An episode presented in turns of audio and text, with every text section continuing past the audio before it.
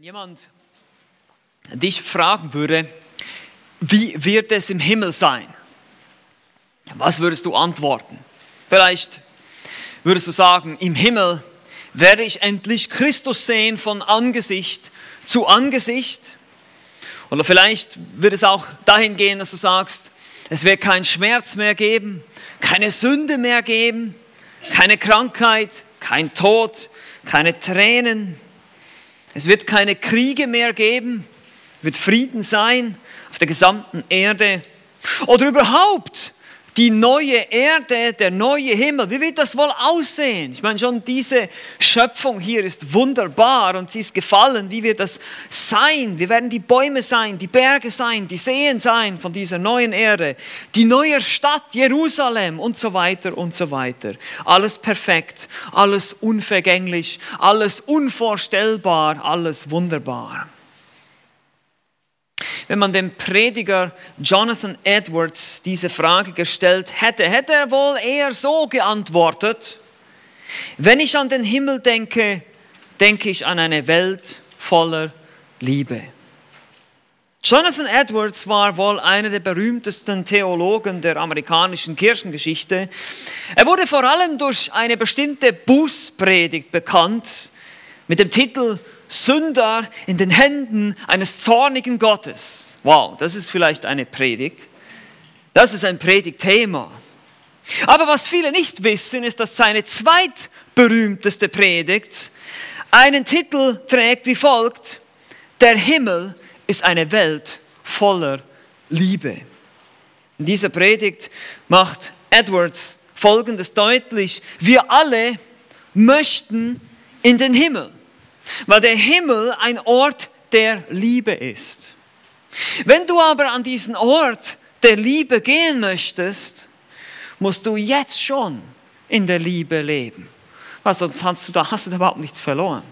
Wenn du jetzt nicht in der Liebe leben willst, dann wirst du auch da im Himmel nichts zu suchen haben. Wir müssen unsere Bedürfnisse hinter die des Nächsten zurückstellen, auch wenn es uns viel kostet. Aber das macht wahre Liebe und wahre Güte aus. Und wie sieht wahre Liebe aus? Paulus beantwortet diese Frage in 1. Korinther Kapitel 13, dem Abschnitt, den wir uns gerade befinden und wahrscheinlich auch noch etwas länger befinden werden. Und wir wollen uns heute das wieder gemeinsam zu Gemüte führen und uns erinnern, was das Problem war in Korinth. Man kann ohne zu übertreiben sagen, dass die Gemeinde in Korinth eine Gemeinde war, in der die Liebe erkaltet ist. Die Gemeinde in Korinth war zur Zeit, in Paulus seinen ersten Korintherbrief schrieb, in einem nennen wir es mal, desolaten Zustand. Weltliche Philosophien hielten Einzug, verursachten Streit, Neid und Parteiungen. Aus ihrer Sicht waren sie geistlich angekommen. Oh ja, sie dachten von sich selbst, wir sind schon angekommen geistlich, ich bin schon völlig unberührt von meinen Umständen und deshalb gab es viel Unmoral, viel Probleme, aber auch viele Diskussionen, weil das war menschliche Weisheit, menschliche Philosophie, die Einzug hielt in diese Gemeinde, weil sie waren geistlich sehr unreif fleischlich, wie sie Paulus betitelt in Kapitel 3, Vers 1. Und diese, diese Fleischlichkeit kommt auch in Lieblosigkeit zum Ausdruck. Man duldete Unmoral und Streitereien, man zerrte sich gegenseitig vor Gerichte, das ist Lieblosigkeit. Man verachtete die Armen während des Mahls des Herrn in Kapitel 11. Oder man feierte sogar die Unmoralischen in Kapitel 5. Man stritt und spaltete sich in Parteiungen. Einer blähte sich auf gegen den anderen wegen seiner Begabung. Auch das ist ein Zeichen der Lieblosigkeit, der, der Selbstdarstellung des Egoismus. Und das ist genau das Thema, was Paulus in den Kapiteln 12 bis 14 anspricht im ersten Korintherbrief. Er muss die Korinther auch dahingehend belehren, dass sie falsch, in einer falschen Art und Weise mit ihren Geistesgaben umgegangen sind. Sie brauchten Korrektur in diesem Bereich. Sie hoben bestimmte Gaben wie die Sprachenrede auf ein Podest und sagen, das ist, das ist die Gabe schlechthin und, und alles andere ist, ist eher unwichtig.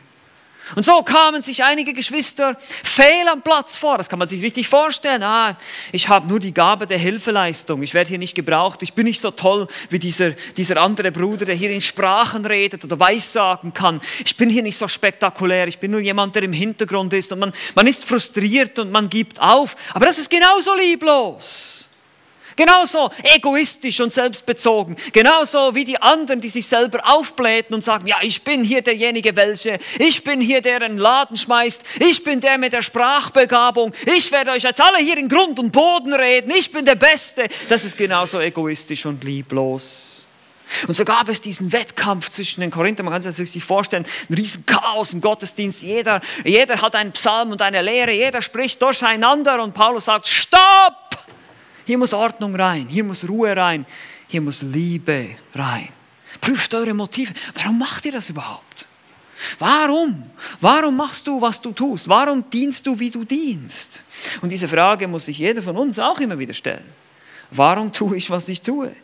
Meine Begabung, meine Erkenntnis, alles, was ich habe, alle meine Fähigkeiten, die ich einsetzen soll, das ist nicht falsch. Deshalb sagt Paulus auch, strebt nach den Gaben. Das ist nicht verkehrt. Das ist schon okay, wenn ihr nach den Gaben strebt, sogar nach den größeren Gaben, das ist auch okay, aber tut es in Liebe. Tut es in dem vortrefflicheren Weg. Und das spricht er in Kapitel 12 an, in Vers 31 ganz am Ende. Ich will euch einen weit vortrefflicheren Weg zeigen. Und zunächst spricht er hier in Kapitel 13 über den Vorrang der Liebe. Er sagt, Guckt, liebe Korinther, alle eure Gaben, alles, was ihr hier jetzt für so viel Wert achtet, alles, was ihr hier auf ein Podest stellt und denkt, das ist so wunderbar, das ist so toll, das ist so spektakulär, all diese Dinge sind nichts wert ohne Liebe. Selbst wenn du alle Sprachen der Welt sprechen könntest und auch noch Engelssprachen hinzufügen könntest, auch dann, wenn du keine Liebe hast, ist es nichts wert. Und wenn du allen Glauben hättest und wenn du alle Hingabe hättest, wenn du keine Liebe hast, ist es nichts wert. Das ist die Verse 1 bis 3 in Kapitel 13. Und dann kommt er, nachdem er über den Vorrang der Liebe gesprochen hat, kommt er zu den Qualitäten der Liebe. In den Versen 4 bis 7, auch besser bekannt als das hohe Lied der Liebe, was aber letztlich eben kein wirkliches Hohelied ist. Es ist nicht einfach so ein Gedicht, das Paulus mal so hingeschrieben hat, weil es so schön ist und sich so, so schön anhört. Das ist eine, eine niederschmetternde Kritik an den lieblosen Korinthern und auch an uns heute. Wenn wir uns wirklich ehrlich selber unter die Lupe nehmen und uns selber prüfen, merken wir, wie auch wir in vielerlei Hinsicht oft den Korinthern ähnlich sind Vielleicht nicht mit denselben Problemen, die sie damals hatten, aber mit anderen Schwierigkeiten. Nun spricht er also die Qualitäten der Liebe an. Er spricht den Weg der Liebe an, dieser vortrefflichere Weg, deinen Dienst zu tun in der Gemeinde und auch in der Welt. Wie gesagt, es geht hier um unseren Dienst. Das ist der Kontext hier. Es geht um den Einsatz der Geistesgaben. Wie und auf welche Art und Weise die Geistesgaben richtig eingesetzt werden sollen. Wie wir dienen. Wie wir dienen sollen. Sei das in der Gemeinde, aber sei das auch allerlei an Menschen, allgemein an Menschen. In diesem Abschnitt verdeutlicht er dies, dass die Liebe dem anderen dient. Die Liebe setzt ihre Gaben ein zum Nutzen aller. Das haben wir schon gesehen in Kapitel 12 und das werden wir auch noch in Kapitel 14 sehen. Liebe ist da für andere. Liebe streitet nicht, sondern bleibt ruhig. Liebe lässt sich sogar Böses tun und schlägt nicht zurück.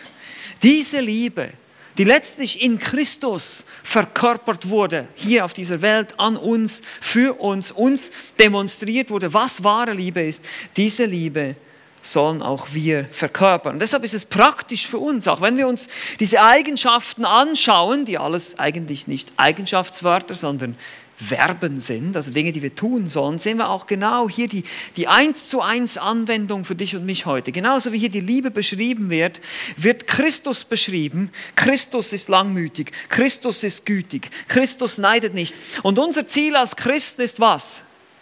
Christus ähnlicher zu werden. Das heißt, du musst hier deinen Namen einsetzen.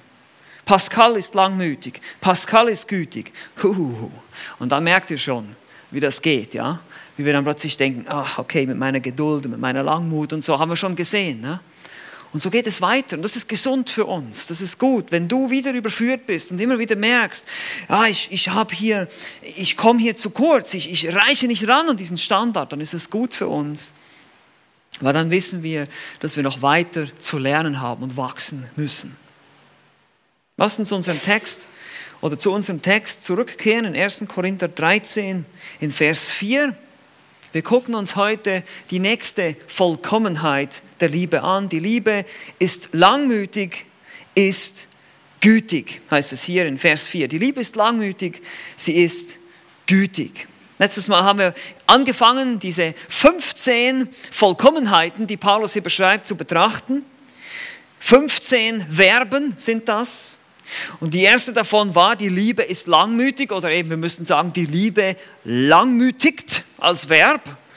Wir haben das betrachtet, wir haben gesehen, dass es eine Bereitschaft ist, lange zu leiden, lange zu ertragen, Dinge von anderen Menschen vor allem, es ist in Bezug auf die Mitmenschen hier, dieses, dieser Ausdruck, Makrosomeo, haben wir gesehen, es geht darum, die Mitmenschen und ihre Unvollkommenheiten zu ertragen, mitzutragen, in Liebe zuzudecken.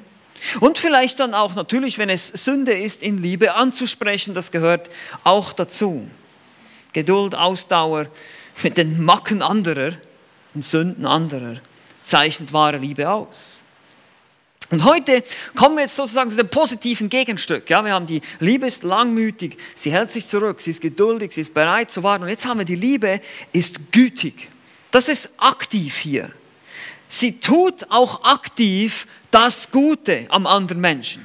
Das reicht nicht nur aus, zu ertragen und zu erdulden, das ist die eine Seite, aber die andere Seite ist jetzt die aktive Seite, ganz aktiv zur Tat zu schreiten und Gutes zu tun. Und das schauen wir uns jetzt heute an. Dieses eine Wort, die Liebe ist gütig. Sie ist gütig. Und wow, was da alles drin steckt, wenn wir uns das überlegen. Wir machen das heute wieder so in drei praktischen Schritten wie beim letzten Mal. Drei Schritte zum Leben in gütiger Liebe. Habe das, glaube ich, auch auf euren Handouts drauf. Wir schauen uns die Bedeutung der gütigen Liebe an. Wir schauen uns Gottes gütige Liebe an, das Vorbild schlechthin, Christus, und dann, wie wir gütige Liebe leben. Lasst uns wieder bereit sein, eine Operation am offenen Herzen vorzunehmen. Lasst uns bereit sein, nicht auf den anderen zu schauen, wiederum nicht zu denken, ah, dieser Fiesling, der braucht das, ja, sondern nein, es geht hier um mich, es geht hier um dich. Du selbst reflektierst über wie gütig du wirklich bist. Wie liebevoll bin ich wirklich? Und wie kann ich das sehen? Wie kann ich das prüfen? Und wie kann ich lernen, noch mehr gütige Liebe zu praktizieren, auch in meinem Leben? Prüfe dich selbst. Das ist das Ziel hier von uns. Wir wollen nicht auf andere schauen.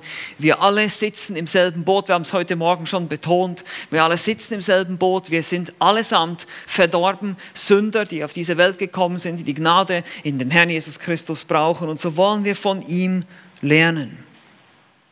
Also lasst uns heute wiederum uns selbst konfrontieren, eine Selbstkonfrontation durchführen, um mich die Frage zu stellen, lebe ich in gütiger Liebe? Lebe ich wirklich in gütiger Wie gütig bin ich wirklich, wenn ich mich prüfe? Und dazu müssen wir erstmal die Bedeutung verstehen. Das ist der erste Punkt heute. Bedeutung der gütigen Liebe verstehen.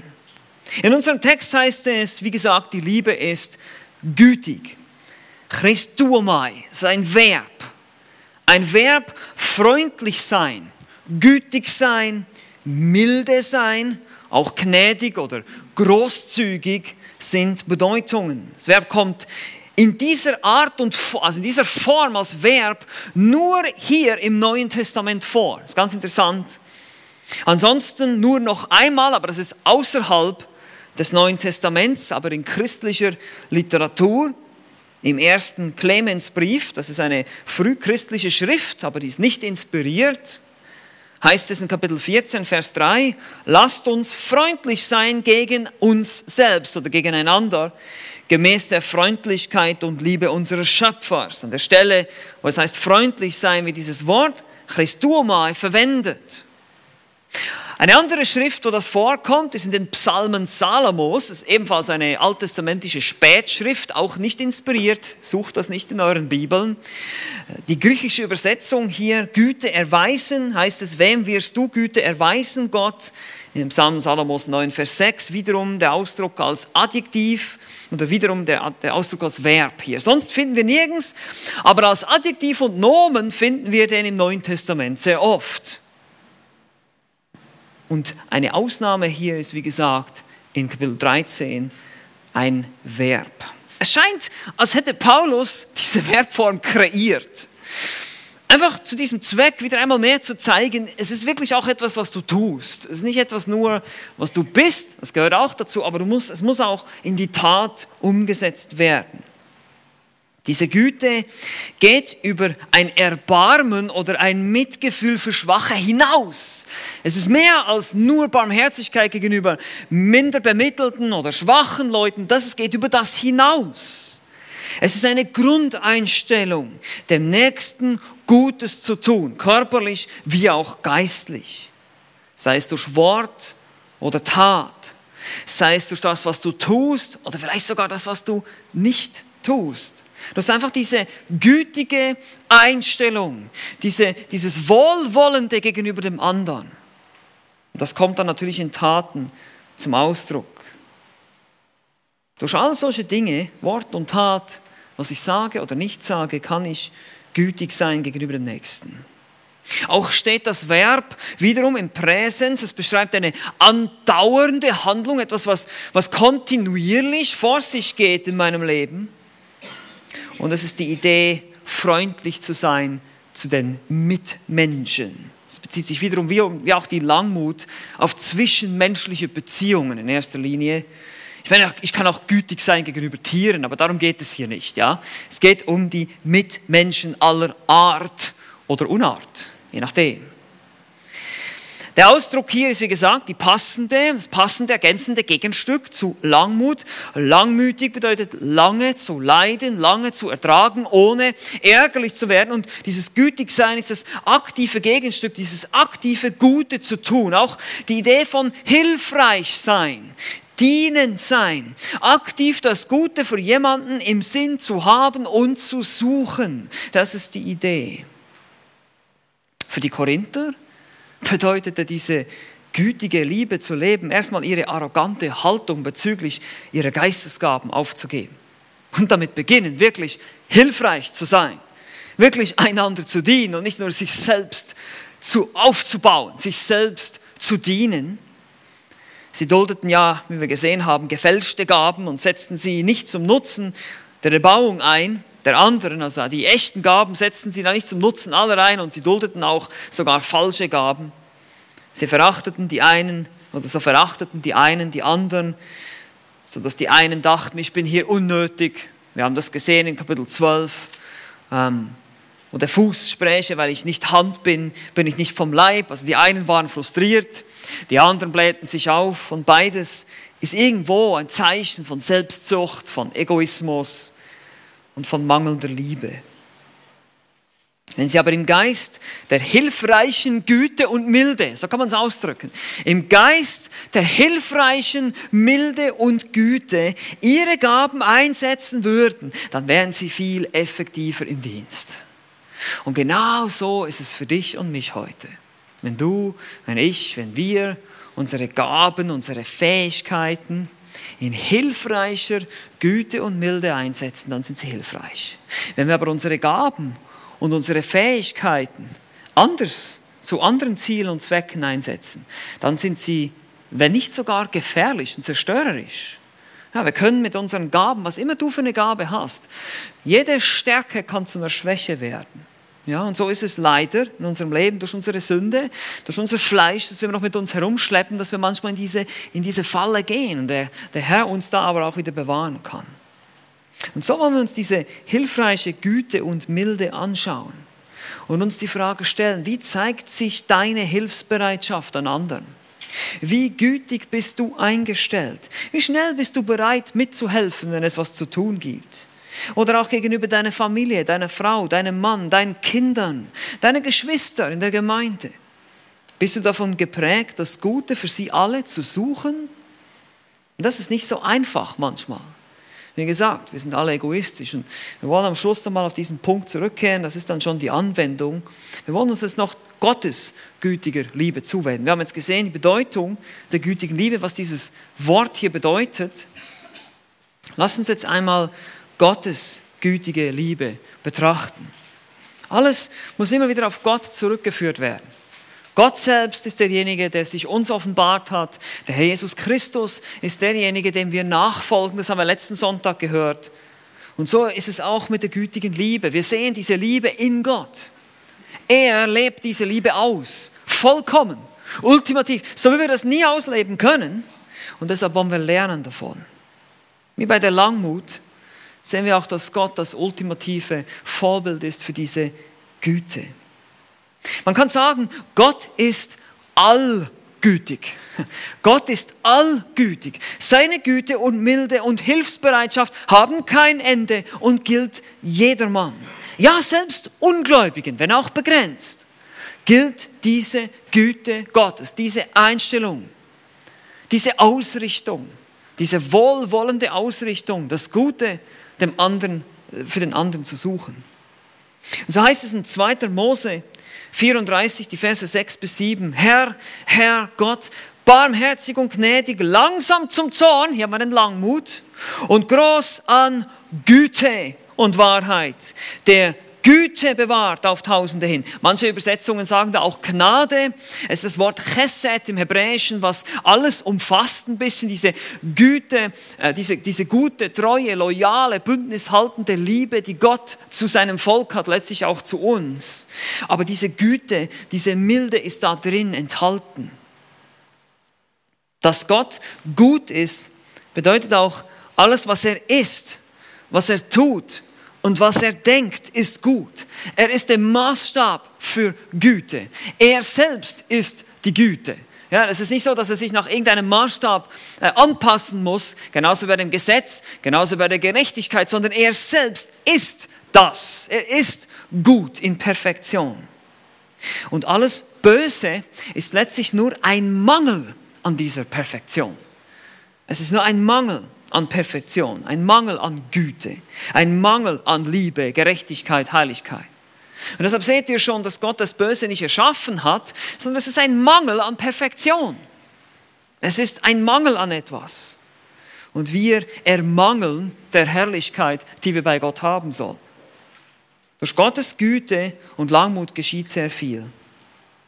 Einmal werden wir durch Gottes Güte zur Buße geleitet. Das sehen wir in Römer Kapitel 2, Vers 4 heißt es, oder verachtest du den Reichtum seiner Güte, Christotheis, das ist das, das Nomen von diesem Verb, was wir hier in äh, 1. Korinther 13 haben der, verachtest du den Reichtum seiner Güte, Geduld und Langmut und weißt nicht, dass die Güte Gottes dich zur Buße leitet.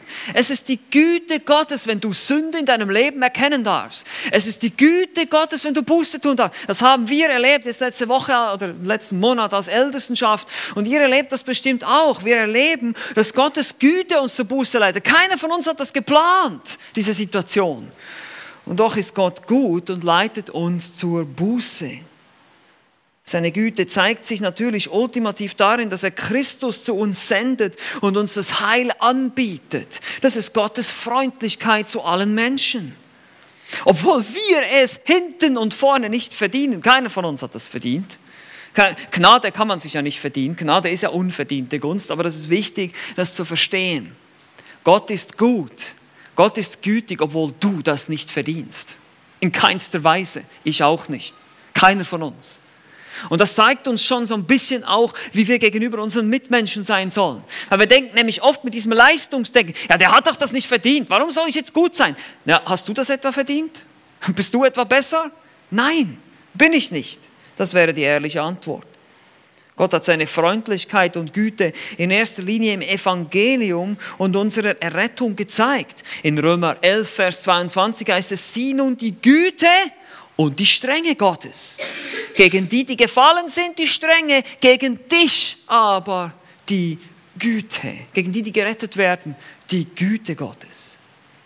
Gott rettet rettet uns durch und wegen seiner Güte.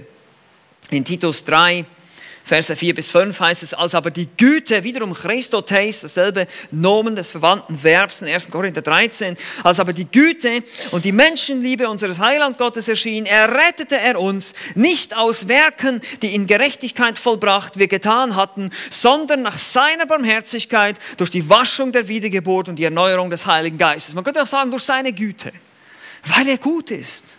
Die Güte Gottes zeigt sich in der Errettung von Sündern ohne Werke, allein durch den Glauben aufgrund des Werkes Jesu Christi.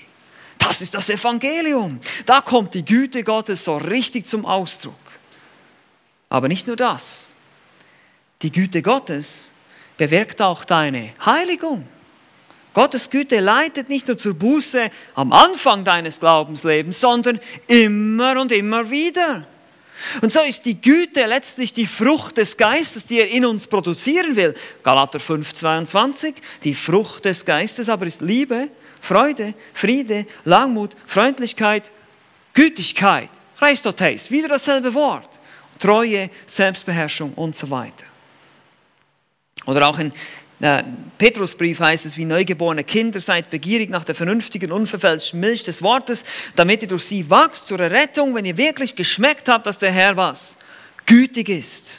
Und auch wenn Jesus sagt, das ist ganz interessant, Jesus sagt, mein Joch ist sanft und meine Last ist leicht. Dieses Wort sanft, Christos. Mein Joch ist gütig, mein Joch ist milde heißt es da eigentlich. Das ist die Bedeutung, dieselbe Wortwurzel, mild, gütig, wohlwollend gesinnt. Das heißt, selbst wenn, wenn Christus dich unter sein Joch nimmt, unter diese Belehrung, die manchmal wehtut, es ist immer die Güte Gottes. Es ist nie Strafe. Und ich möchte, dass wir hier wirklich ein, ein Verständnis haben. Wenn wir als Christen durch diese Welt gehen, dann, auch wenn wir sündigen, Gott straft uns nicht. Das ist eine dumme Einstellung. Das stimmt nicht. Das ist nicht wahr. Gott straft uns nicht. Er züchtigt uns, ja, in Liebe. Aber er straft dich nicht. Weil die Strafe, die wurde bereits bezahlt am Kreuz. Die musst du nicht mehr tragen. Die Strafe ist die ewige Hölle. Du kannst diese Strafe gar nicht bezahlen. Ich auch nicht. Niemand von uns. Gott straft dich nicht. Gott süchtig dich vielleicht aus Güte und Liebe. Er legt dir dieses milde, sanfte Joch auf und hilft dir, dich von deiner Sünde zu trennen. Und das kann manchmal schmerzhaft sein, aber es ist auch ein Ausdruck seiner Güte, seiner Freundlichkeit. du kannst sagen, danke Herr, dass du mich hier leiden lässt, weil ich weiß, ich werde hier von meiner Sünde wieder mehr getrennt. Oder danke Herr, dass du mich überführt hast, dass ich Buße tun durfte, dass ich das erkennen durfte, weil ich erkenne das gar nicht. Manchmal tun wir Dinge, das merken wir gar nicht. Wir haben ein Brett vor dem Kopf. Eben dieser Balken, der uns unseren Augen hängt hier. Wir merken das gar nicht. Und dann können wir so dankbar sein, wenn der Heilige Geist in seiner Güte uns überführt. Wir sehen Gottes Güte gegenüber denjenigen, die es absolut nicht verdienen. Freundlichkeit gegenüber den größten Sündern. Das ist das Muster hier, das uns dargestellt wird in diesem Wort. Liebe ist gütig. Und deshalb ist es Freundlichkeit gegenüber jedermann, um es ganz simpel auszudrücken. Und Freundlichkeit ist für die Liebe wie Wärme für das Feuer. Es gibt kein Feuer ohne Wärme. Und so gibt es keine Liebe ohne Freundlichkeit. Es gibt auch Feuerimitationen, diese Plastikdekos. Ja, ich weiß nicht, ob das schon mal, habt ihr schon mal versucht, euch an diesen Plastikdekos zu wärmen? Da, da wird nicht viel Wärme kommen. Ja, es gibt Imitationen, wir können das irgendwie so nachahmen, aber die echte Liebe wird erst diese Wärme, Milde und Güte ausstrahlen diese Freundlichkeit, diese Güte, die ohne Bedingung gegeben und ausgelebt wird an den größten Sündern. Unser Gott, der Herr Jesus Christus, ist der Freund der Sünder und Zöllner. So wird er betitelt in Lukas 7, Vers 34. Er ist der Freund der Sünder und Zöllner. Diese Freundlichkeit kam von Gott zu uns, zu dir, zu mir. Und letztlich ist das unser Motiv selber gütig sein zu wollen. Ja, wir wissen, wie viel Güte, wie viel Freundlichkeit haben wir erfahren, habe ich erfahren von meinem Herrn. Wie viele Sünden rechnet er mir nicht an? Das sind Hunderte, das sind Tausende von Sünden, die ich begangen habe, die er mir nicht anrechnet, für die ich alle tausendmal die Hölle verdient hätte. Und doch rechnet er mir nichts davon an. Er ist gütig und freundlich. Und so wollen wir das auch sein. Wir lieben, weil er uns zuerst geliebt hat. 1. Johannes 4, Vers 19. Ist das nicht wunderbar? Das ist unser Gott. So ist unser Gott. Er hat uns zuerst geliebt. Er hat die Initiative ergriffen. Nicht wir. Wir haben ihn nicht mal gesucht. Uns hat das nicht mehr interessiert in unserer Sünde. Wir waren blind und wir haben unser eigenes Leben geführt. Ich habe mein eigenes Leben geführt. Und dann plötzlich, bam, kommt dieser, diese Erleuchtung des Heiligen Geistes und es fällt einem wie Schuppen von den Augen. Man merkt, ich bin ein Sünder. Ich brauche Gnade. Vorher hat mich das überhaupt nicht interessiert. Und so ist Gott. Er hat uns gesucht. Er hat initiiert. Seine Liebe zeigt Initiative. Eben dieses aktiv. Er sucht aktiv das Gute zu tun am anderen. Er wartet nicht, sondern er tut es. Und genauso wollen wir auch sein. Diese freundliche Liebe sollen wir in erster Linie deshalb verkörpern, weil es auch das wirksamste und beste Zeugnis gegenüber einer ungläubigen Welt ist. Daran werden alle erkennen, dass ihr meine Jünger seid, indem ihr was habt. Liebe untereinander. Diese gütige Liebe, Johannes 13, 35.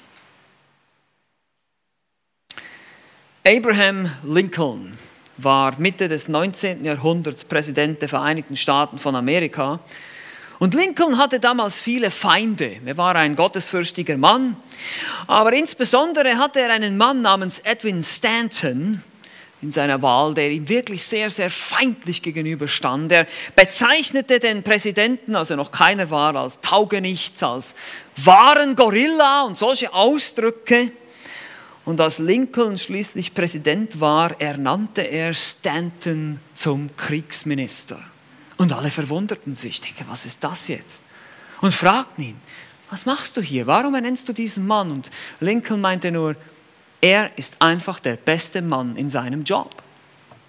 Und so zeigte Lincoln sein ganzes Leben lang gegenüber Stanton, und ich habe einiges gelesen, auch über die Beziehung zwischen den beiden, das ist ganz interessant, einfach diese freundliche Liebe, obwohl der andere wirklich ekelhaft war in seiner Persönlichkeit.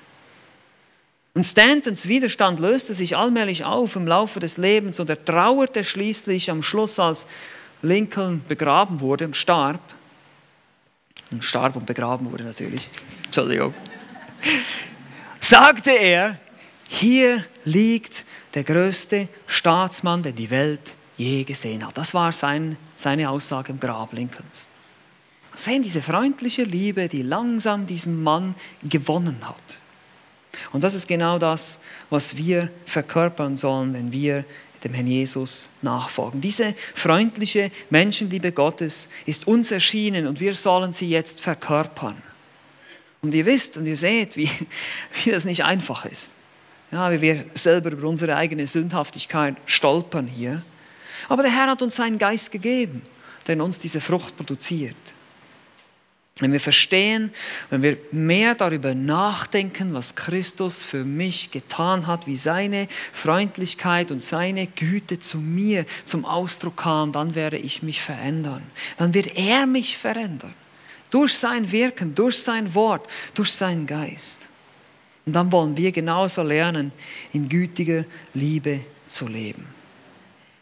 Und das ist nun Schritt 3. Zum Leben in gütiger Liebe. Wir wollen die Bedeutung der gütigen Liebe verstehen. Wir wollen Gottes gütige Liebe verstehen. Wir haben das jetzt gesehen. Und drittens, wir wollen gütige Liebe leben. Wir wollen gütige Liebe leben.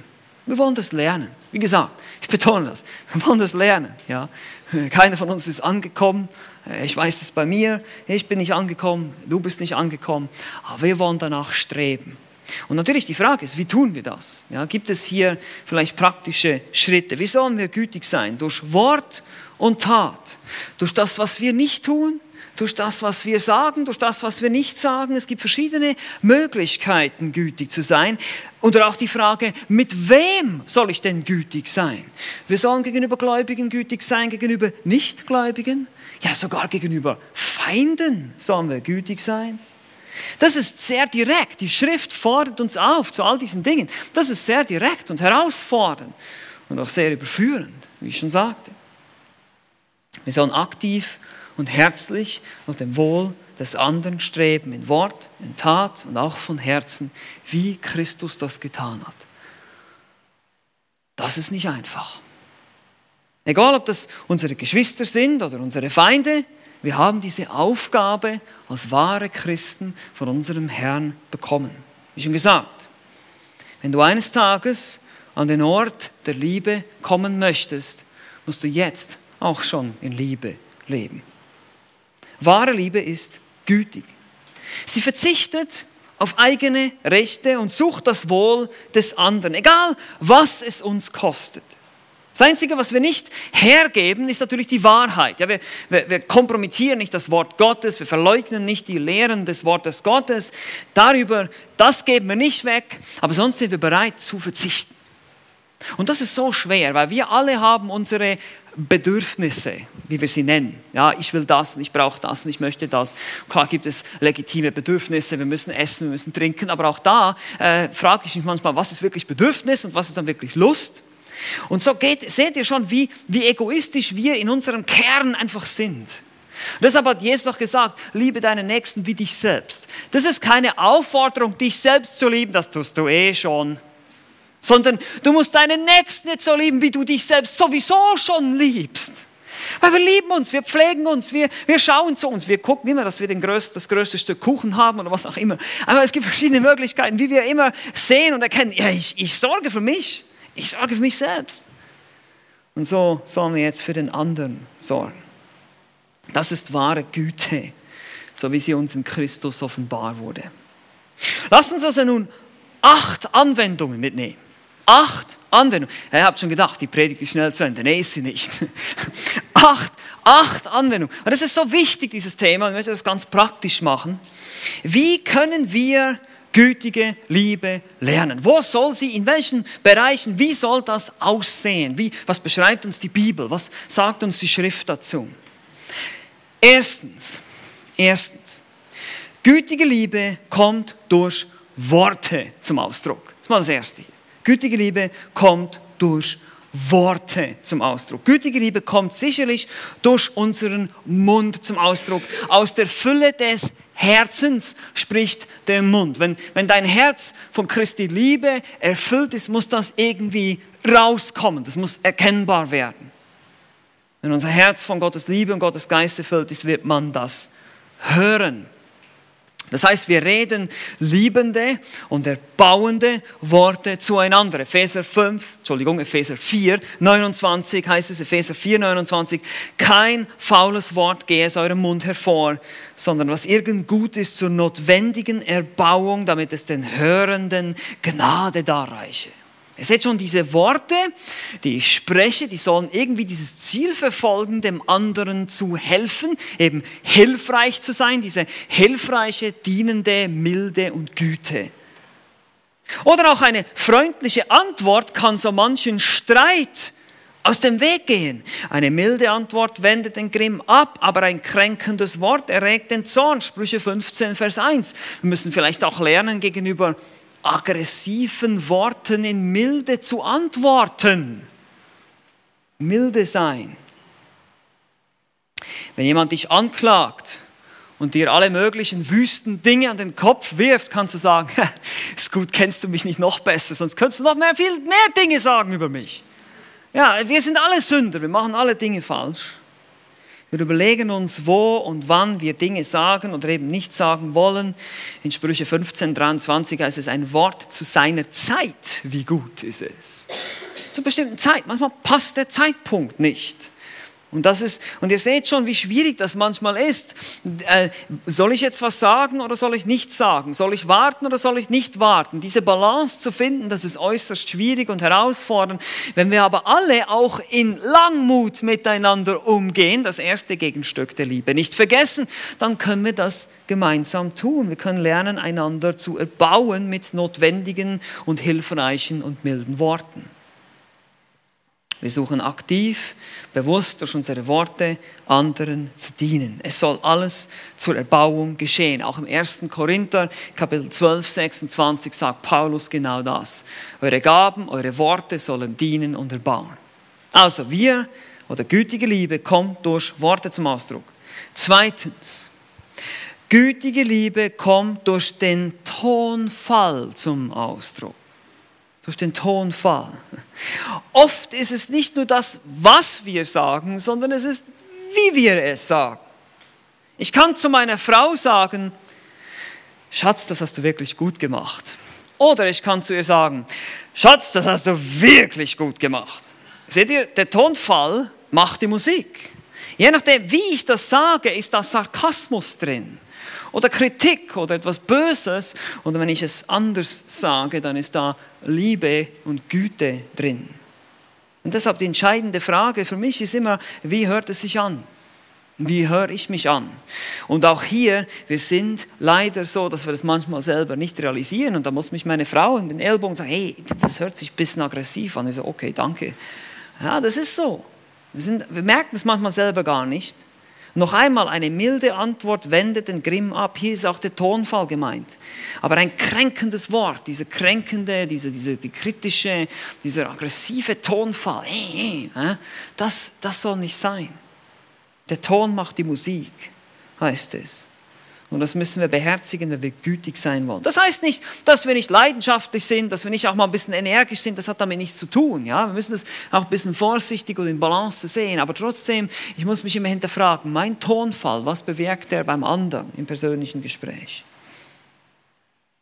Drittens, gütige Liebe kommt durch Taten zum Ausdruck. Gütige Liebe kommt durch Taten. Es bleibt natürlich nicht bei den Worten.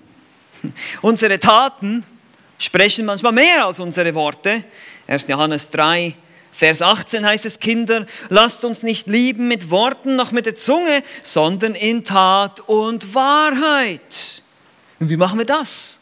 Und wir tun aktiv Gutes, auch ganz konkret vielleicht materiell. Die Bedeutung ist ja hilfsbereit sein, zu dienen. Jakobus schreibt zum Beispiel im Jakobus Kapitel 2, Verse 15 bis 16, wenn nun ein Bruder oder eine Schwester ohne Kleidung ist und es ihnen an der täglichen Nahrung fehlt und jemand von euch würde zu ihnen sagen, geht hin in Frieden, wärmt und sättigt euch, aber ihr würdet ihnen nicht geben, was zur Befriedigung ihrer leiblichen Bedürfnisse erforderlich ist, was würde das helfen? Was hilft das? Ich sage, ah, geh hin in Frieden, wärme und sättige dich, aber ich, ich gebe dir nicht irgendwas zu essen, dann ist das nicht hilfreich. Hier sehen wir, die Liebe muss durch diese Taten zum Ausdruck kommen. Hier zeigt sich, ob wir wirklich lieben. Sind wir wie der barmherzige Samariter in Lukas 10 oder Barnabas in Apostelgeschichte 4? Der seinen Acker verkaufte und sein Geld den Aposteln zu Füßen legten, als Hilfe und Stillung von Bedürfnissen in der Gemeinde damals in Jerusalem. Taten der Barmherzigkeit, Taten der Freigebigkeit, Opfer, Hingabe an den Herrn und an seine Gemeinde. Wie konkret kann man gütige Liebe messen? Man kann das sehen. Wie sehr bist du bereit, Dinge wegzugeben? Deine Liebe zum Herrn, was gibst du in die Gemeinde? All solche Dinge. Da kommt gütige Liebe zum Ausdruck. Immer wieder. Klar, prüfe deine Motive. Du kannst das alles auch aus falschen Motiven tun, aber es muss in Taten zum Ausdruck kommen. Wir zeigen Mitgefühl. Wir lachen. Wir weinen mit unseren Geschwistern. Fühlst du mit? Ja, das ist auch ein Punkt, an dem ich arbeiten muss. Ich bin nicht so der, der mitfühlende Typ, ja. Vielleicht habt ihr das auch schon gemerkt. Ich versuche das, aber das ist nicht so einfach. Das kann man nicht so produzieren, sondern das muss auch, da müssen wir dafür beten und der Geist Gottes muss uns helfen, Dinge in uns zu verändern. Und das tut er auch. Und er hilft uns auch dabei. Sind wir gute Zuhörer? Interessiere ich mich für das Gegenüber? Stelle ich vielleicht eine Frage danach? Wie hast du das gemeint? Oder wie ist das zu verstehen? Auch da kann ich Liebe zeigen. Wenn ich etwas ausgeliehen habe, bringe ich es zurück zu dem Zeitpunkt, den ich vereinbart habe. Es sind manchmal die ganz kleinen Dinge im Leben, wo wir zeigen können, dass wir einander lieben. Weil so sah die gütige Liebe im Leben Christi aus. Also wir haben jetzt durch Worte, durch Tonfall, durch Taten. Viertens, viertens, gütige Liebe kommt durch, und das ist ganz interessant, durch Unterlassen zum Ausdruck. Hm. Manchmal ist es auch Zeit, bestimmte Dinge zu unterlassen. Gütige Liebe muss sich auch zurückhalten können. Selbstbeherrschung, heißt es in Galater 5,22, ist ein, eine Frucht oder ein Teil der Frucht des Geistes. Manchmal ist es auch Zeit, nichts zu sagen oder sogar nichts zu tun oder vielleicht nur wenig zu tun, den Nächsten zu lieben. Es gibt Situationen, wenn jemand trauert, da sagst du besser nichts. Da trauerst einfach nur mit. Weil diese Worte, die dann rauskommen, die sind dann meistens nicht so hilfreich. Ach ja, Gott ist schon souverän. Ja, bitte. Ich meine, das weiß der auch. Aber das ist im Moment jetzt nicht unbedingt das, was die Person braucht. Wir sollen unsere Zunge zügeln, sagt uns Jakobus in Jakobus 3. Sie ist wie ein Feuer der Hölle. Wir müssen aufpassen. Und wer unbedacht schwatzt, der verletzt wie ein durchbohrendes Schwert. Die Zunge der Weisen aber ist heilsam, heißt es in Sprüche 12, 18.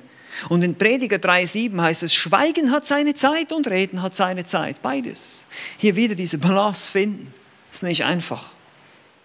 Wir wollen oder wir sollen andere mit unseren Worten nicht verletzen oder manipulieren. Wir sollen nicht über sie herrschen. Wir wollen ihnen nicht unseren Willen aufzwingen und so weiter. Es gibt ganz verschiedene Möglichkeiten, wie das aussehen kann. Wir tratschen nicht, wir lästern nicht. Wir müssen unsere Zungen beherrschen. Lieber mal unterlassen. Ich sage immer, lieber mal den Mund halten. Ja? Das ist besser. Und gütig sein gütig sein. Gerade wenn es um unsere Mitmenschen geht, Mitgeschwister in der Gemeinde, aufpassen, nicht immer gleich, vielleicht auch nicht immer gleich alles sagen, was man denkt. Das ist auch so eine Mode heute. Man denkt, das ist direkt und cool und authentisch. Und man immer gleich sagt, was man denkt, das ist nicht unbedingt so cool und auch nicht so gut. Weil es ist nicht immer hilfreich für den anderen. Wenn ich immer gleich sage, was ich denke. Es ist schon schön, wenn wir direkte Leute sind, wenn wir miteinander Dinge ansprechen und nicht irgendwie äh, jahrelang warten und das schweren lassen und dass ein Groll aufsteigt. Und das, das sollen wir nicht tun. Aber wir müssen trotzdem manchmal sagen, hm, lass mal sein. Lass mal sein. Wir drohen niemanden, wir schlagen niemanden, wir ignorieren niemanden, all diese Dinge. Versuchen hier wirklich aktiv das Gute zu suchen für den anderen. Was? Immer diese Fragen kommen. Was hilft dem anderen? Das ist, wie gesagt, ist nicht immer so einfach. Wir werden Fehler machen. Wir werden manchmal denken, das und das hilft dem anderen, dann merke ich, uh, das hat ihm jetzt überhaupt nicht geholfen. Ja, das, das gibt es nun mal. Aber wir müssen auch diese Offenheit haben, Fehler zu machen und einander darauf aufmerksam zu machen, du, das hilft mir nicht, wenn du mich so tröstest. Klassisches Beispiel. Klassisches Beispiel, ich und meine Frau, ja, wir sind da ganz unterschiedlich. Wenn sie traurig ist und getröstet werden will, dann will, ich, will sie, dass ich sie umarme. Wenn ich traurig bin und getröstet werden will, dann will ich in Ruhe gelassen werden. Und sie kommt dann und versucht mich zu ermahnen und ich denke, ah, lass mich, ja. Und sie denkt, oh nein, er liebt mich nicht, ja. Also, ich sehe, wie schnell das geht. Und dabei zu denken, nein, der andere denkt anders. Ich muss dann vielleicht etwas unterlassen, weil ich ihn liebe. Und sage, okay, ich lasse dich jetzt und lass dich nachdenken. Und wenn meine Frau dann traurig ist, dann muss ich eben hingehen, sie ermahnen, auch wenn ich denke, das ist so komisch, weil ich möchte das nicht, wenn, wenn, jemand, wenn ich traurig bin. Und so müssen wir lernen, aufeinander einzugehen. Das ist gütige Liebe. So müssen wir lernen, einfühlsam zu sein und den anderen zu verstehen in seiner eigenen Logik, auch wenn es für uns keinen Sinn macht. Das ist egal. Gütige Liebe ist demütig und versucht, den anderen zu verstehen in, seinen eigenen, in seiner eigenen Welt, sagen wir es mal so, ein bisschen. Das ist wichtig. Nun gibt es verschiedene Kategorien von Menschen. Und das ist die Frage, wie, wie drückt sich diese gütige Liebe aus? Das ist der fünfte Punkt. Jetzt kommen verschiedene Kategorien von Menschen. Gütige Liebe gegenüber Geschwistern erstmal. Gütige Liebe gegenüber Geschwistern. Wie soll das aussehen? Es das heißt in Galater 6, Vers 10, also nun, wie wir Gelegenheit haben, lasst uns das Gute wirken gegenüber allen, also allen Menschen, am meisten aber gegenüber den Hausgenossen des Glaubens, gegenüber den Geschwistern. Besonders, speziell, vor allem Malista heißt es im Griechischen, besonders den Gläubigen, ganz besonders sollen wir die ganz, ganz gut behandeln. Gläubige müssen immer den Vorrang haben. Sie müssen, sie müssen wir besonders lieben, sogar mehr als unsere Mitmenschen. Warum? Weil Christus für sie starb. Christus für sie starb. Wenn der heilige, absolut gerechte Gott sich entschieden hat, diesen Bruder oder diese Schwester zu lieben, dann soll ich ihm auch Gutes tun. Solltest du ihm dann die Güte verweigern? Auf keinen Fall. Das ist die Idee hier. Hm, das ist nicht immer so einfach, weil wir Christen, wie gesagt, wir sind nicht immer so christlich, leider.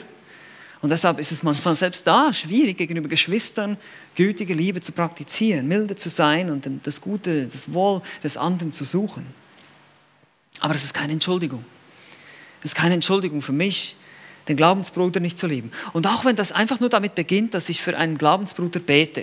Ja, es kann sein, Christen können einem auf die Nerven gehen, das ist so. Aber wir müssen trotzdem für sie beten, weil Christus ist für sie gestorben, für diesen Bruder oder diese Schwester. Deshalb werde ich jetzt für sie beten. Und das ist falsch von mir, dass ich mich nerve über diese Person. Ich soll sie lieben und ich will für sie beten und für sie da sein. Das ist die Ausrichtung, die Christus hatte und immer noch hat. Und wir sollten sie auch haben. Und es sind oft diese einfachen Dinge. Es sind nicht immer Sünden, ja. Es sind Macken, es sind Eigenheiten. Ah, der betet immer so komisch, ja. Und solche Sachen. Ja, und das, da müssen wir einfach lernen und sagen, ja, ich bete. Es ist doch schön, dass er betet überhaupt. Das ist doch wunderbar. Preis den Herrn. Einfach das, ja, das Glas nicht immer halb leer, sondern halb voll sehen aber auch aktive das Gute für diese Person suchen, ihn erbauen, ihn ermutigen, ihm Hoffnung machen. Das brauchen wir doch alle, oder? Es ist doch schön, wenn jemand zu dir kommt und sagt, hey Bruder, ich bete für dich. Und ist einfach nur ein paar Worte der Ermutigung. Das ist einfach schon erbauend.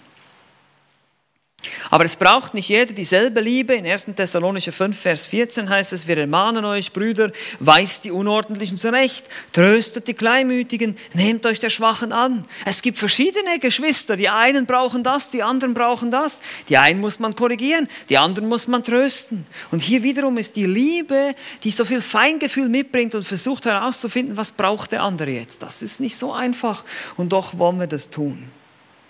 Und wenn es auch Jahre dauert und manchmal eine Person immer wieder zu dir kommt, weil sie Zweifel hat an ihrem Heil, klar muss man sie auch mal auf Sünde ansprechen, aber dann auch immer wieder das Evangelium erklären, immer wieder dieselben Dinge erklären.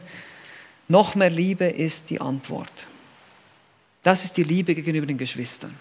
Nun, sechstens, hm, gütige Liebe, aber auch gegenüber Ungläubigen. Wie sieht es da aus?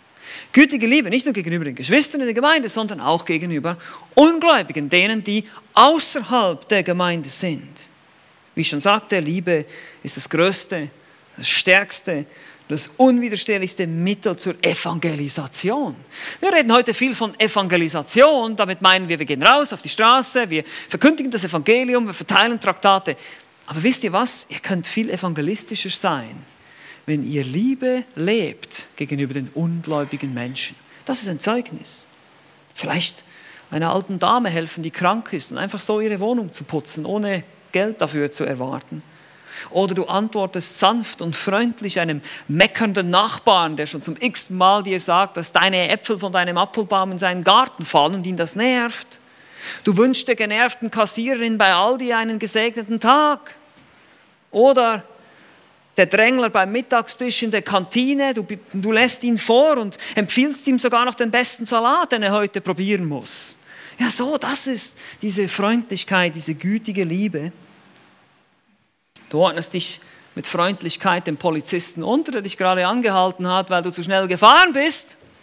Ladest ihn vielleicht zum Gottesdienst ein. Ja, ich weiß nicht, vielleicht ist es nicht das Beste. Aber, müsst ihr selber entscheiden. Aber ihr seht den Punkt. Wir wollen gütige Liebe leben. Gegenüber den Geschwistern, gegenüber Ungläubigen. Siebtens, ich habe diesen Punkt noch absichtlich hier äh, als extra Kategorie Liebe, gütige Liebe in der Familie. Gütige Liebe in der Familie. Niemand wird, auf dem Niemand wird auf dem Sterbebett sagen, hätte ich doch bloß mehr Zeit im Büro verbracht. Das wird keiner von uns sagen. Die meisten sagen, hätte ich doch mehr Zeit mit meiner Familie verbracht. Und das ist sehr, sehr wichtig. Wie zeigt sich die gütige Liebe zu Hause? Das ist der Lackmustest ja, für gütige Liebe. Wie zeigt sich die gütige Liebe gegenüber meiner Frau, meinen Kindern, vielleicht auch meinen Verwandten? Ja, all diese Leute, die in meinem Verwandtenkreis sind, wie sieht es da aus? Weil es gibt leider viele freundliche, charmante Geschäftsmänner, die nach Hause kommen und sich dann in einen Tyrann verwandeln zu Hause. Dieses Doppelleben. Wie sieht es bei dir aus zu Hause? Oder auch die frommen christlichen Frauen, die ganz besonders fromm sich unterordnen, wenn sie in der Gemeinde sind, vielleicht sogar ein Kopftuch tragen, ja, zu Hause aber ihre Männer gegenüber rebellisch gesinnt sind. Das bringt nichts. Das ist die Frage. Wie sieht es zu Hause aus? Wie sieht es aus gegenüber deinem Ehemann oder deiner Ehefrau? Wie verhältst du dich gegenüber deinen Kindern? Rebellierst du gegen deinen Ehemann und setzt ihn unter Druck und manipulierst ihn? Oder unterdrückst du deine Ehefrau und befiehlst dir? Wie sieht das zu Hause aus? Ihr Frauen ordnet euch euren eigenen Männern unter, Epheser 5, 22. Ihr Männer liebt eure Frauen, Epheser 5, 25. Ihr Väter reizt eure Kinder nicht zum Zorn, ihr Kinder gehorcht euren Eltern. Wir haben das heute Morgen angeschaut. Aber wie, wie geschieht das? Geschieht das in Güte zu Hause? Wie sieht dein Tonfall aus? Und da musste ich schon oft Buße tun, und ich gemerkt habe, das war falsch. Musste ich mich bei meinen Kindern entschuldigen und um Vergebung bitten. Und sie auch bei uns. Und so siehst du in der Familie, wie das geschieht. Und so fordere ich uns heraus, Männer, wann habt ihr eure Frauen zum letzten Mal auf ein Date mitgenommen, Blumen heimgebracht, irgendwas gemacht, Zeit verbracht, sie gefragt, wie es ihr geht. Oder Frauen dasselbe, wie sieht es mit eurer Unterordnung, eurem Respekt aus, eurer Liebe zu eurem Mann? Redet ihr gut in Gegenwart von anderen über eure Ehemänner oder schlecht in der Öffentlichkeit über eure Ehemänner? Bist du bitter gegen deine Kinder, weil sie dich nerven und dir im Weg sind, deine persönlichen Ziele zu erreichen? Und so weiter und so weiter. Wahre Liebe zeigt sich da in diesem Bereich, in unserem Zuhause. Und jetzt kommt noch achtens, das ist, glaube ich, das Schwierigste für uns alle, gütige Liebe gegenüber Feinden. Gütige Liebe gegenüber Feinden. Und Jesus macht diesen Punkt sehr, sehr deutlich. Matthäus 5, 44, liebt eure Feinde, segnet die euch fluchen, tut wohl denen, die euch hassen und bittet für die, welche euch beleidigen und verfolgen. Das ist wohl die schwerste Form der gütigen Liebe, die wir praktizieren können. Aber der Herr tat genau das mit dir und mir. Denn er liebte uns, als wir noch was? Feinde Gottes waren. Ja, Römer Kapitel 5. Er liebte seine Feinde. Er tat wohl denen, die ihn hassten. Er wurde ausgepeitscht, er wurde verprügelt, er wurde ans Kreuz genagelt von seinen Feinden. Und dort bittet er für sie um Vergebung. Vater, vergib ihnen, sie wissen nicht, was sie tun. Das ist Liebe. Das ist Güte. Unsere Schwester Hildegard, die oft mir eine E-Mail schreibt nach meinen Predigten, wenn sie zuhört im Livestream jetzt hier, hat einen Ausdruck ähm, äh, gebraucht, den ich so mag. Sie hat gesagt, wir wandeln in Lammesart. Das ist so die Berufung, die wir haben. Wir, wir sind wie Lämmer. Ja, wir, wir werden geprügelt, geschlachtet, was weiß ich, aber wir tun trotzdem Gutes. In Lammesart wandeln, so wie Christus das gemacht hat. Im Prinzip, wie Römer 12, Vers 17 und 18 sagt, vergeltet niemand Böses mit Bösem, seid bedacht auf das, was ehrbar ist vor allen Menschen, wenn möglich so viel an euch liegt, lebt mit allen Menschen Frieden. Manchmal ist es nicht möglich, manchmal lässt sich ein bestimmter Streit mit einem Ungläubigen nicht lösen, aber so viel an mir liegt, versuche ich im Frieden zu leben. Oder auch 1. Korinther 4, die Verse 12 bis 13. Wenn wir geschmäht werden, segnen wir. Wenn wir Verfolgung leiden, halten wir stand. Wenn wir gelästert werden, spenden wir Trost. Wow, was für eine Einstellung. Und wir sehen, dass wir noch viel zu lernen haben. Wenn wir so reagieren können, wenn wir das lernen können, gegenüber unseren Feinden so zu reagieren, dann werden wir ein Zeugnis sein für Christus. Möge der Herr uns dabei helfen. Ich möchte euch noch eine Geschichte erzählen. Eine Geschichte von einer bemerkenswerten Frau. Ihr Name war Edith Burns. Sie war eine wunderbare Christin, die lebte in Texas und sie hatte, sie hatte einen behandelten Arzt namens Dr. Phillips. Und ihre Angewohnheit war es, die Menschen, sich den Menschen so vorzustellen, dass sie sagte, guten Tag, mein Name ist Edith Burns, glauben Sie an Ostern? Und damit leitete sie dann über zum Evangelium. Und eines Tages kam der Doktor zu Edith in den Behandlungsraum und er war ganz traurig und niedergeschlagen und Edith fragte ihn ganz fröhlich, ja, was ist denn, Herr Doktor, warum sind Sie so traurig? Lesen Sie Ihre Bibel nicht? Beten Sie nicht? Und der Doktor musste sie in Kenntnis setzen, dass sie einen bösartigen Tumor habe und nicht mehr lange zu leben habe. Und ihre Reaktion war, aber Herr Doktor, da müssen Sie doch nicht traurig sein. Sie haben mir jetzt gerade die Eintrittskarte für ein ewiges Osterfest überreicht. Das ist doch wunderbar. Und der Doktor war total erstaunt und konnte das nicht glauben, wie diese Frau reagierte. Und auf ihre Bitte hin verlegte er sie in ein Krankenzimmer, wo möglichst viele Leute sind, weil sie wollte noch vielen Menschen von Ostern erzählen. Die ganze Station war beeindruckt von Edith, aber da gab es eine Person, die war überhaupt nicht beeindruckt von Edith. Das war die Oberschwester. Ihr Name war Phyllis Cross. Und sie wollte nichts mit dieser religiösen Fanatikerin zu tun haben, aber sie begrüßte sie. Eines Tages, als die Oberschwester reinkam zur Tür ins, ins, Zimmer von Edith, sagte sie, oh, guten Tag, Frau Oberschwester. Ich freue mich so, Sie zu sehen. Ich habe für Sie gebetet. Und die Antwort war nur so ein Raunzen. Ja, lassen Sie mich in Ruhe. Hören Sie auf mit dem Beten, das wird nichts bei mir. Und so begrüßte sie Edith jeden Tag, immer wieder, wann immer sie sie sah, und sagte, wie schön sie zu sehen, ich bete für sie. Ganz freundlich, ganz liebevoll. Und so wurde eines Tages diese Oberschwester ganz magnetisch an, an diese Zimmertür herangezogen und sie kam hinein und sie sagte zu Edith, jedem haben sie diese Frage gestellt, glauben sie an Ostern, nur mir nicht, warum nicht? Und Edith sagte, nun, ich war wirklich kurz davor immer, aber ich wollte einfach warten, hier sehen wir die Langmut, ich wollte warten, bis sie sich selber entschlossen haben. Und jetzt sind sie hier und jetzt können wir darüber sprechen. Und so nahm Edith ihre Bibel und erzählte ihr vom Evangelium, vom dem Herrn Jesus Christus, wie er für die Sünde starb und die Phyllis Cross kam an diesem Tag zum Glauben. Zwei Tage später war Karfreitag und sie kam wieder rein zu Edith und Edith fragte sie, welcher Tag ist heute? Und Phyllis antwortete, heute ist Karfreitag. Worauf Edith sagte, nein, heute ist Ostern. Frohe Ostern, Phyllis, für dich. Und zwei Tage später, am Ostersonntag, fand Phyllis Edith Burns tot in ihrem Bett. Ihre Bibel lag auf ihrem Schoß und ihr Finger zeigte auf einen Vers, Johannes 14, Verse 2 bis 3. Im Haus meines Vaters sind viele Wohnungen. Wenn ich hingehe und euch eine Stätte bereite, so komme ich wieder und werde euch zu mir nehmen. Und so sagte die Schwester Phyllis, frohe Ostern, Edith. Frohe Ostern. Und sie fasste sich ging ins Schwesternzimmer zurück. Dort warteten zwei Schwesternhelferinnen und Phyllis kam hinein in diesen Raum und stellte sich vor, guten Tag, mein Name ist Phyllis Cross. Glauben Sie an Ostern? Amen. Lasst uns beten.